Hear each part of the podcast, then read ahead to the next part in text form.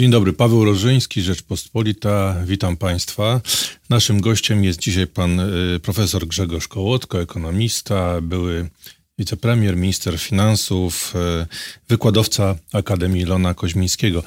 Witam bardzo serdecznie, panie profesorze. Dzień dobry, dziękuję za zaproszenie. Panie profesorze, jaki kurs gospodarczy obierze pana zdaniem teraz rząd? Po wyborach, kiedy już skończyły się te fajerwerki z obietnicami i zderzamy się z rzeczywistością.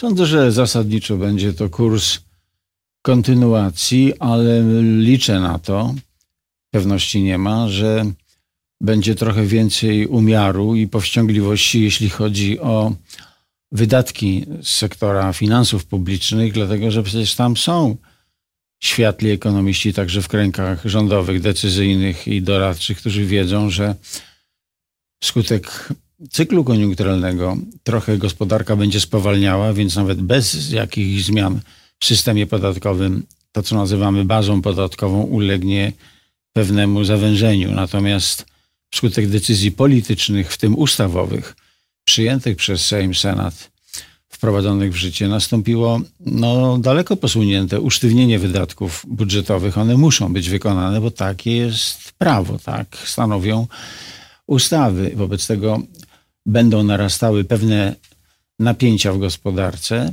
Z tego punktu widzenia sytuacja będzie nieco trudniejsza. Osłabi się także, jak można się tego spodziewać, koniunktura zewnętrzna, choć w jakim stopniu to jeszcze nie wiemy, gdyż e, prawie już nikt nie wie, co i jak będzie do końca z Brexitem i z jego konsekwencjami, które w jakim stopniu także będą polskiej gospodarki dotyczyć. Więc powiedziałbym, że to będzie najkrócej ujmując polityka gospodarcza kontynuacji z korektami.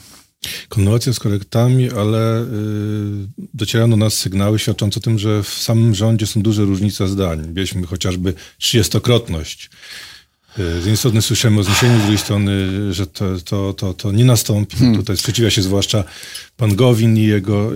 jego jakby, nie znam szczegółów jego ludzie. linii podziałów, sporów czy dyskusji w rządzie, natomiast wiem, jak było w czasach, kiedy ja byłem w czterech rządach. Co jeden to lepszy. Sądzę, że w sytuacji dużo trudniejszej, dlatego że to jednak była faza no, taka początkowa transformacji ustrojowej po tym szoku bez terapii, kiedy trzeba było bardzo wiele zrobić, dokapitalizować banki, restrukturyzować przedsiębiorstwa, walczyć z masowym bezrobociem, przebudować rolnictwo. Przy okazji wdrażać trudne reformy, aby wpierw zasługiwać na to, żeby nas przyjęto do Organizacji Rozwoju i Współpracy Gospodarczej OECD, a za czwartym razem, gdy byłem w rządzie, no żebyśmy spełnili kryteria mm, jakościowe wejścia do Unii Europejskiej na zasadach dla nas korzystnych, co się udało. Pewnie też, gdyby tych sporów było trochę mniej, może coś tu i tam można byłoby zrobić lepiej.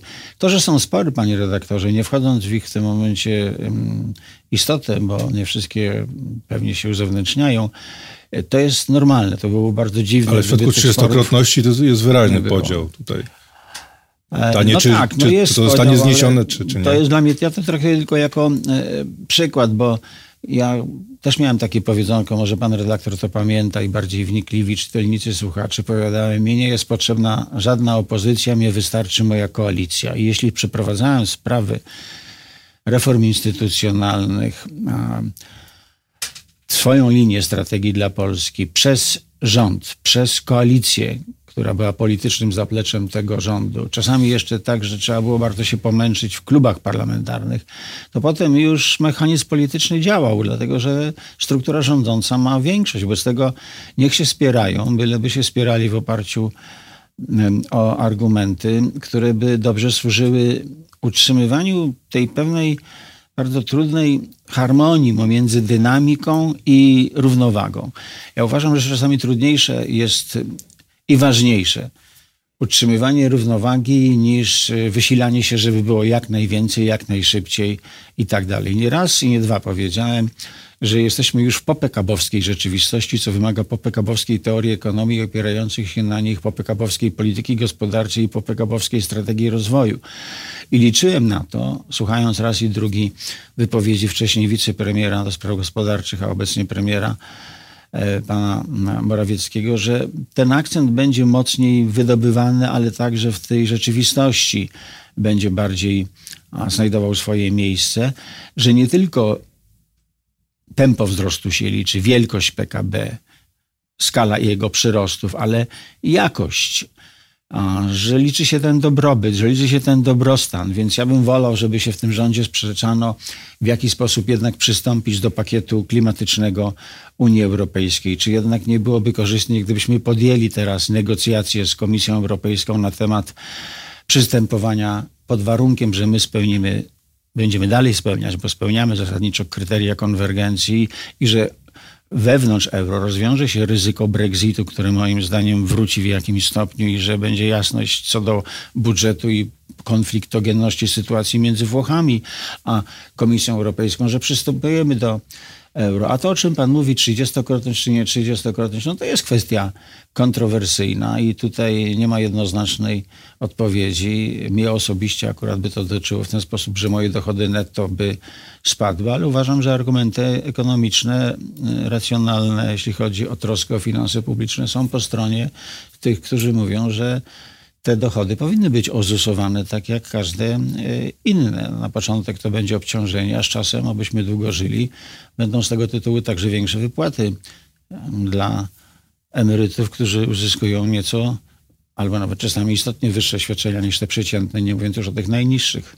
No tak, ale to jakoś w jakiś sposób może uderzyć w biznes. Czyli każdy kij ma dwa końce. I tutaj... No wie pan, każdy kij ma dwa końce. To jest dużo bardziej skomplikowane. Akurat nie używam, chyba nigdy nie użyłem sam tego staropolskiego powiedzonka, dlatego że ten kij to już nie jest kij a on ma tych końców zdecydowanie więcej. To jest dużo bardziej skomplikowane niż to, czy to uderzy w biznes, czy to uderzy w ZUS, czy to będzie lepiej, czy to będzie gorzej. Zawsze należy wystrzegać się jednostronnego, czy tendencyjnego, czy lobbystycznego punktu widzenia. No kto jak kto, ale na pewno my się troszczymy o tak zwany e, biznes, o dobre instytucjonalne, koniunkturalne, polityko-gospodarcze warunki rozwoju uczciwego biznesu, tylko nie przesadzajmy e, z tym.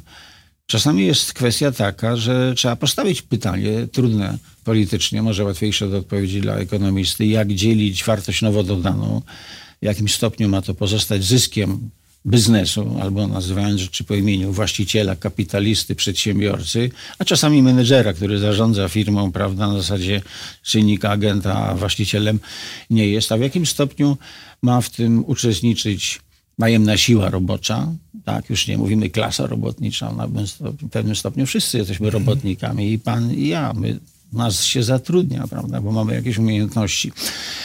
No i jest interes finansów publicznych, który jest po prostu interesem całego No to chodzi o jakieś 5, 5 miliardów złotych akurat w przypadku 30-krotności. Ale mamy, mamy też y, kwestię y, płacy minimalnej. Tak? Tutaj też bo widać, że ten rząd nie jest do końca... Y, no, wielu ministrów było zaskoczonych tak, tym pomysłem. Płaca minimalna występuje w zdecydowanie mniejszej ilości państw tego wędrującego świata, a w większości natomiast wysoko rozwiniętych. To jest istotna kategoria nie tylko ekonomiczna, ale może nawet bardziej polityki socjalnej, ale ona jest niezwykle kontrowersyjna. No, na przykład tak się przyjrzymy i przysłuchujemy dyskusji pretendentów, zwłaszcza po stronie demokratycznej, do nominowania na kandydata na prezydenta Stanów Zjednoczonych, to niektórzy chcą, żeby była wszędzie 15 dolarów, inni robią pewne posunięcia w sferze tak, tam to publicznej czy w pewnych stanach. Dotyczy to stawek godzinowych. Więc ja jestem miesięcznie. absolutnie za tym, żeby w mhm. systemie gospodarczym funkcjonowała kategoria płacy minimalnej. Podmiotem stanowiącym o tym, jaka ona ma być, w sposób oczywisty jest państwo, czyli rząd. Czasami to są kwestie ustawowe, więc może to być parlament. Natomiast jest pytanie ekonomiczne, jak wysoka ma być płaca? Właśnie, 4 tysiące. No, nie jest za no, dużo. no nie, no to jest absolutny nonsens. Znaczy 4 tysiące. To zależy w stosunku do czego. Jeśli wtedy płaca przeciętna byłaby 8 tysięcy, to ja jestem jak najbardziej za, ale nie będzie 8 tysięcy, chyba że sobie tak nakręcimy inflację, prawda, żeby była 8 tysięcy po to, żeby była 4 i potem będziemy mówić, a nie mówiłem, prawda, miało być 4, jest 4. To są nonsensy. Otóż płaca minimalna, nie wiem, może w, w Polsce PiSu może być wyższa od średniej, ale takie cuda są niemożliwe. Nie tylko w ekonomii, panie redaktorze, one są niemożliwe w arytmetyce. Uważam, że płaca minimalna powinna oscylować mm, plus minus, krążyć wokół płacy średniej. Ale to jest dyskusyjne. Na pewno nie powinno się od niej odchylać e, istotnie, przez istotnie rozumiem plus minus 5% w żadną ze stron. Wobec tego, jeśli rośnie wydajność pracy i w właściwej proporcji, bo nie zawsze w 100%, były okresy, kiedy wyraźnie mniej, potem to nadrabialiśmy, bo było odczuwalnie więcej, ale w dłuższym okresie opłacanie wzrostu wydajności pracy powinno być z nią skorelowane. No to rosną płace i w ale to wokół, powinny rosnąć płace minimalne. Wokół średniej, ale średniej płacy? Yy która teraz średniej płacy, ponad 4 tysiące. Znowu wiemy, że średnia płaca, no pytanie jest, która średnia? No ja Właśnie. mam na myśli jako ekonomista w tym momencie, a nie statystyk czy urzędnik. Mam na myśli średnią płacę w gospodarce w Polsce.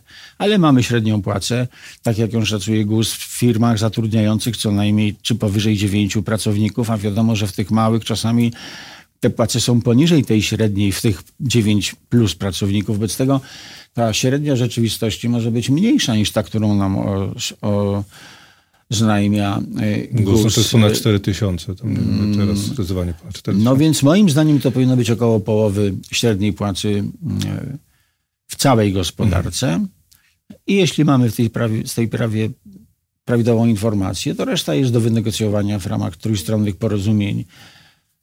Pracownicy, pracodawcy albo właściciele, najemna siła robocza i rząd jako arbiter. I nie należy przeginać w żadną stronę, dlatego że nie należy poszerzać, poszerzać marginesu wykluczenia społecznego poprzez zbyt niski poziom płac minimalnych, który jest no, w niektórych miejscach dosyć szeroko stosowany, ale nie należy też przesadzać w górę i iść w kierunku 3-4 tysięcy w tak krótkich terminach, jakich to politycznie zdeklarował przywódca partii wciąż mm, rządzącej, dlatego że Mm, tego po prostu nie da się zrealizować, a gdyby to robić na siłę, a tu nie należy niczego robić na siłę, tylko na rozum, to to w rzeczywistości zaszkodziłoby konkurencyjności a, a myśli przedsiębiorców. Pan, myśli pan, panie profesorze, że e, ten zrównoważony budżet, o którym mówi rząd, nie jest realny? Nie, nie, on jest nierealny, o tym rząd wie i, i pan wie, i ja wiem, i państwo wiecie.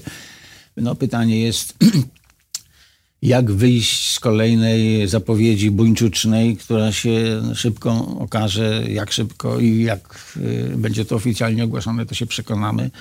Nierealistyczna. No trzeba nie znaleźć onych. To właśnie będzie osłabianie się koniunktury e, wskutek tego, co się będzie działo na zewnątrz od y, Polski.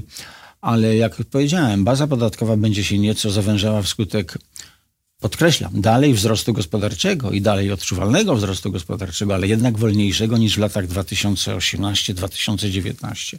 Z tego będą nieco mniejsze przychody relatywnie, a wydatki nie będą mniejsze. One nawet mogą być większe ze względu na to, że ten rząd niektóre rzeczy postanowił słusznie, jak na przykład zmniejszenie czy podnoszenie kwoty wolnej od podatku, czy wzrost niektórych nakładów na infrastrukturę albo na niektóre typy usług społecznych, a niektóre postanowił w sposób nonsensowny, czy szkodliwy, czy powiedziałbym wbrew polskiej racji stanu, że raz jeszcze przypomnę, niepotrzebnie, nonsensownie ekonomicznie zwiększające się wydatki na tak zwaną obronę narodową, które głównie służą zakupom broni pochodzącej z importu i nakręcaniem koniunktury lobby i przemysłom przemysł zbrojeniowym w innych krajach. Polski rząd nie jest od tego, żeby poprawiać notowania prezydenta Trumpa, tylko żeby poprawiać samopoczucie i dobrostan polskich obywateli.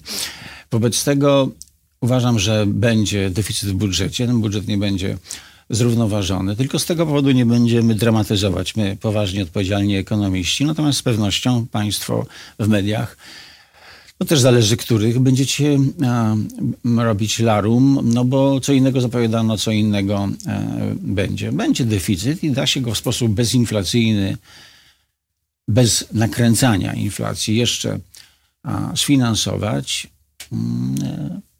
Szczerze, bo szczerze rozmawiamy, to ja się w ogóle dziwię, po co ten rząd wystrzelił z tą koncepcją zrównoważonego deficytu, bo ani nie było takich oczekiwań wewnątrz, ani nie było takiego nacisku z zewnątrz. Może inwestorzy zagraniczni Ponadto na przyjmą. większości ludu pracującego i niepracującego miast i wsi to nie robi takiego wielkiego wrażenia. Zdecydowanie większe. Rząd, dobry gospodarz, płacę. zrównoważone wydatki.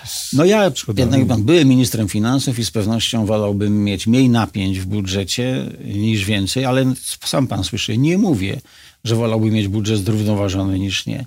Dlatego, że trzeba się umieć tym posługiwać. Czasami należy zwiększać wydatki ponad dochody, czyli posługiwać się manipulowaniem deficytem budżetowym po to, żeby podtrzymywać określoną No, koniunkturę. No ale złej Akurat- koniunkturze. no, panie redaktorze, akurat świetna. sytuacja jest taka, mówimy o tym. Spowalnia się koniunktura, czyli jeśli już, to nie należy na siłę równoważyć budżetu, skoro nie ma takiej konieczności, tylko być może należy nawet przyzwolić na pewien kontrolowany deficyt po to, żeby podtrzymywać z tej koniunktury ile się da. Ten rząd dążąc na siłę do iluzorycznego, zrównoważonego budżetu popełnia kolejny błąd. Sam sobie ogranicza koniunkturę, którą i tak ogranicza jemu świat zewnętrzny. Takich błędów się nie popełnia. I z tego Ale- się próbuje robić jeszcze sukces polityczny, co się zemści w ten sposób, że jak się okaże, że ten deficyt będzie i tego budżetu zrównoważonego nie będziemy oglądać, to się będzie trzeba tłumaczyć. No, obiecywaliście, mówiliście, a wam nie wyszło i znowu będziemy szukać onych, a te one to nie są one, tylko to są my, tylko wie pan, no, my w sensie tu w Polsce. Choć Ale już się mówi nieoficjalnie o t- no, takim, może nie demontażu, złagodzeniu reguły wydatkowej. Tam są zmiany w Ministerstwie Finansów, są tego typu spekulacje. Co to mogłoby dać? A, Przyglądałem się temu. Y, Można się zmieścić i honorować regułę podatkową, dlatego że ona jest twarda, ale to nie jest y, bazalt, to nie jest granic. Tam są pewne możliwości interpretacyjne. Ponadto także zawsze występuje pewna możliwość przesuwania niektórych wydatków. To nie jest wielki margines, ale jest. I on może być też manipulowany, a więc przez rząd poszerzany jak trzeba, na okres następny. A więc coś z wydatków, które trzeba ponieść, realizuje się na przykład nie w grudniu, tylko na początku nowego roku, albo tam się je księguje. Wobec tego mieścimy się w tej regule. Natomiast ta reguła jest nieźle skonstruowana i należy przestrzegać politykę, żeby ona jej nie zmieniała. Trzeba się jej, trzeba się mm, jej podporządkowywać. Ona dyscyplinuje nam finanse publiczne i da się kroczyć do przodu przy umiarkowanym deficycie, raz jeszcze powtórzę, finansowanym w sposób bezinflacyjny, przy równoczesnym przestrzeganiu reguły wydatkowej, która jest e, zapisem ustawowym. Panie profesorze, czy PPK mm, będą sukcesem rządu? Mogą być. Mm, Sam odpowiadam czasami na pytania internautom, znajomym, nieznajomym w pociągu czy w tramwaju warszawskim. Mam lat, y, o, ostatnio, mam lat 45, panie profesorze, czy warto się zapisać? Odpisałem krótko, warto. Byłem strasznie zajęty, nie mogłem dłużej na to pytanie odpowiadać, pisząc referat na Kongres Ekonomistów Polskich, ale tak sobie szybko pomyślałem, ma 45 lat i się pyta, czy warto. Warto.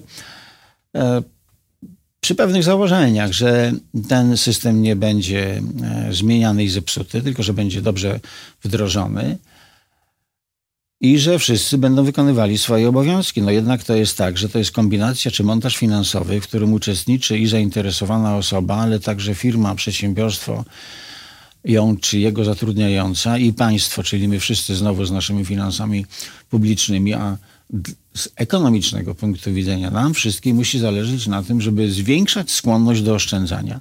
To jest sprawa absolutnie strategiczna i dla polskiej gospodarki, a więc państwa, społeczeństwa, narodu jako całości i dla ludzi którzy są zwłaszcza w wieku takim, że jeszcze mają przed sobą kilkanaście, a czasami więcej, a czasami już mniej lat do przepracowania. Dlatego, że długość życia, co jest skutkiem ogólnego postępu i z tego się cieszymy, wydłuża się i ona się będzie dalej stopniowo wydłużała. I to jest jakiś koszmar, że na przykład kobieta obecnie przechodząca na emeryturę w wieku lat 60 ma przed sobą tak zwane dalsze oczekiwane trwanie życia blisko 25 lat, no ćwierć wieku na emeryturze. Jedna trzecia, jedna czwarta życia w niektórych przypadkach to, to jest absurd. To jest chore społeczeństwo, w chorym społeczeństwie nie może być zdrowej gospodarki i odwrotnie. Wobec tego trzeba oszczędzać i to jest instrument skłaniania do tego oszczędzania, a jako społeczeństwo my musimy więcej oszczędzać, dlatego że oszczędności wewnętrzne są podstawą, są po prostu kwintesencją inwestycji, bez których z kolei nie ma rozwoju. Specjalnie powiem rozwoju, a nie wzrostu, wracając do tej tezy o postpekabowskiej gospodarce. I ten instrument tych planów kapitałowych jest takim, takim właśnie narzędziem. Z tego też względu uważam, że należy go wspierać, ale jak pan pyta, redaktorze, czy będzie sukces, czy nie, no to w tym momencie wchodzimy w, w sferę oczekiwań podmiotów gospodarczych w sferze styku psychologii z ekonomią, a jednego i drugiego z polityką, gdzie także określoną rolę odgrywa narracja medialna, bo jeśli będziemy siebie przekonywać, zachęcać, to się przewali masa krytyczna i będzie sukces. A jeśli będziemy narzekać, mówić tak, ale nie, bo ten rząd kombinuje. Nie, ten rząd nie kombinuje, tylko próbuje rozwiązywać pewne problemy i akurat w tym przypadku trzeba mu pomóc, jeśli ma rację. Częściej ma niż nie ma. I ja raz jeszcze powtórzę, gdyby sytuacja poza sferą ekonomiczną była taka jak w gospodarce, to byłoby zupełnie nieźle. Ta gospodarka naprawdę wygląda nieźle na tle bałaganu w innych sferach życia publicznego. Mówię o dyplomacji, polityce zagranicznej, środowiskowej, edukacyjnej, zdrowotnej. A miejmy nadzieję, że pod tym względem będzie większa poprawa w tej kadencji po wyborach parlamentarnych. Panie profesorze, właśnie w wyborach parlamentarnych lewica y, y, odniosła spory sukces. Mamy takie, można powiedzieć, odrodzenie lewicy. I czy widzi pan tu jakiś y, program gospodarczy? Mój osobisty dramat jako obywatela Rzeczypospolitej, a zarazem ekonomisty, no może tak, że trochę byłego polityka polega na tym, że ja u nikogo tego programu nie widzę, jeśli już to najbardziej właśnie w kręgach rządowych, bo oni muszą mieć program, a inni mogą występować w telewizji i, i mówić, prawda? W opozycji łatwiej jest zgłosić pewne poglądy, formować pewne a, sugestie, niż jeśli się jest u władzy, bo tam się ponosi już bardzo konkretną odpowiedzialność także za następstwa słów, za czyny. Ale Pyta pan o lewicę. Otóż ja uważam, że program lewicowy, albo może wolę powiedzieć postępowy, bo dzisiaj też jest pytanie, nie tylko w Polsce, co to jest lewica? Corbyn, Wielka Brytania, wybory parlamentarne 12 grudnia, Stany Zjednoczone, Sanders, który mówi o sobie sam, że jest socjalistą i Warren, która się od tego odcina, ale ma program ewidentnie lewicowy, więc są bardzo różne rodzaje tejże lewicy. Otóż nowoczesna, postępowa lewica, moim zdaniem, we współczesnym świecie, w tych krajach bardziej zaawansowanych, a Polska już się do nich, i to jest nasz wielki wspólny sukces, zalicza, powinien polegać przede wszystkim na ochronie interesów konsumenta. Dzisiaj to nie burżuazja w sposób brutalny wyzyskuje klasę robotniczą. To nie ci kapitaliści gnębią, prawda, e, najemną siłę roboczą. Dzisiaj machina wykorzystuje konsumenta sensu largo, abonenta, pacjenta, pasażera, klienta, manipulując także przy użytku, przy pomocy mediów często opinią publiczną. Nie brakuje skandali, ale oprócz skandali, które są bardzo mocno nagłośnione, cały system działa i z tego też punktu widzenia uważam, że lewica powinna u władzy nie jest. I trudno sobie wyobrazić, żeby do niej doszła w wyobrażalnej krótkim, krótkiej perspektywie czasowej, ale może wymuszać na tym rządzie pewne rozwiązania, które komuś się mogą kojarzyć z lewicowymi, bo będą służyć postępowi społecznemu, sprawiedliwości, zrównoważonemu, harmonijnemu rozwojowi, tak jak ja o tym piszę w nowym pragmatyzmie. I z tego też punktu widzenia ta lewica powinna bronić, tak, praw pracowniczych, zabiegać o rozsądną płacę minimalną, o tworzenie no, dodatkowych miejsc pracy i sprzyjanie regulacji, za którą odpowiada rząd i polityka, aby tak się działo, ale także bronić interesów konsumentów. I no, oczekuję na jakieś propozycje programowe ze strony różnych formacji politycznych, żeby wiedzieć, jakie są możliwości wyboru i żeby w tym dyskursie, jak powiadają, tym dialogu publicznym, ludzie wiedzieli, za czym się opowiadać, przeciwko czemu się opowiadać i co im na dobrą sprawę dobrze służy, bo czasami to dochodzi do takich dziwnych historii. Badano opinię publiczną niedawno w Stanach Zjednoczonych i pytano ludzi w różnych grupach wiekowych proste pytanie: jesteś za kapitalizmem, za socjalizmem, czy nie masz zdania? W grupie wiekowej 18-29 lat tam są wszyscy studenci. Tam jest najmłodsza kadra profesjonalna, która akurat skończyła studia. 45% jest za kapitalizmem, 45% jest za socjalizmem, 10% nie ma zdania. W Stanach Zjednoczonych, panie redaktorze.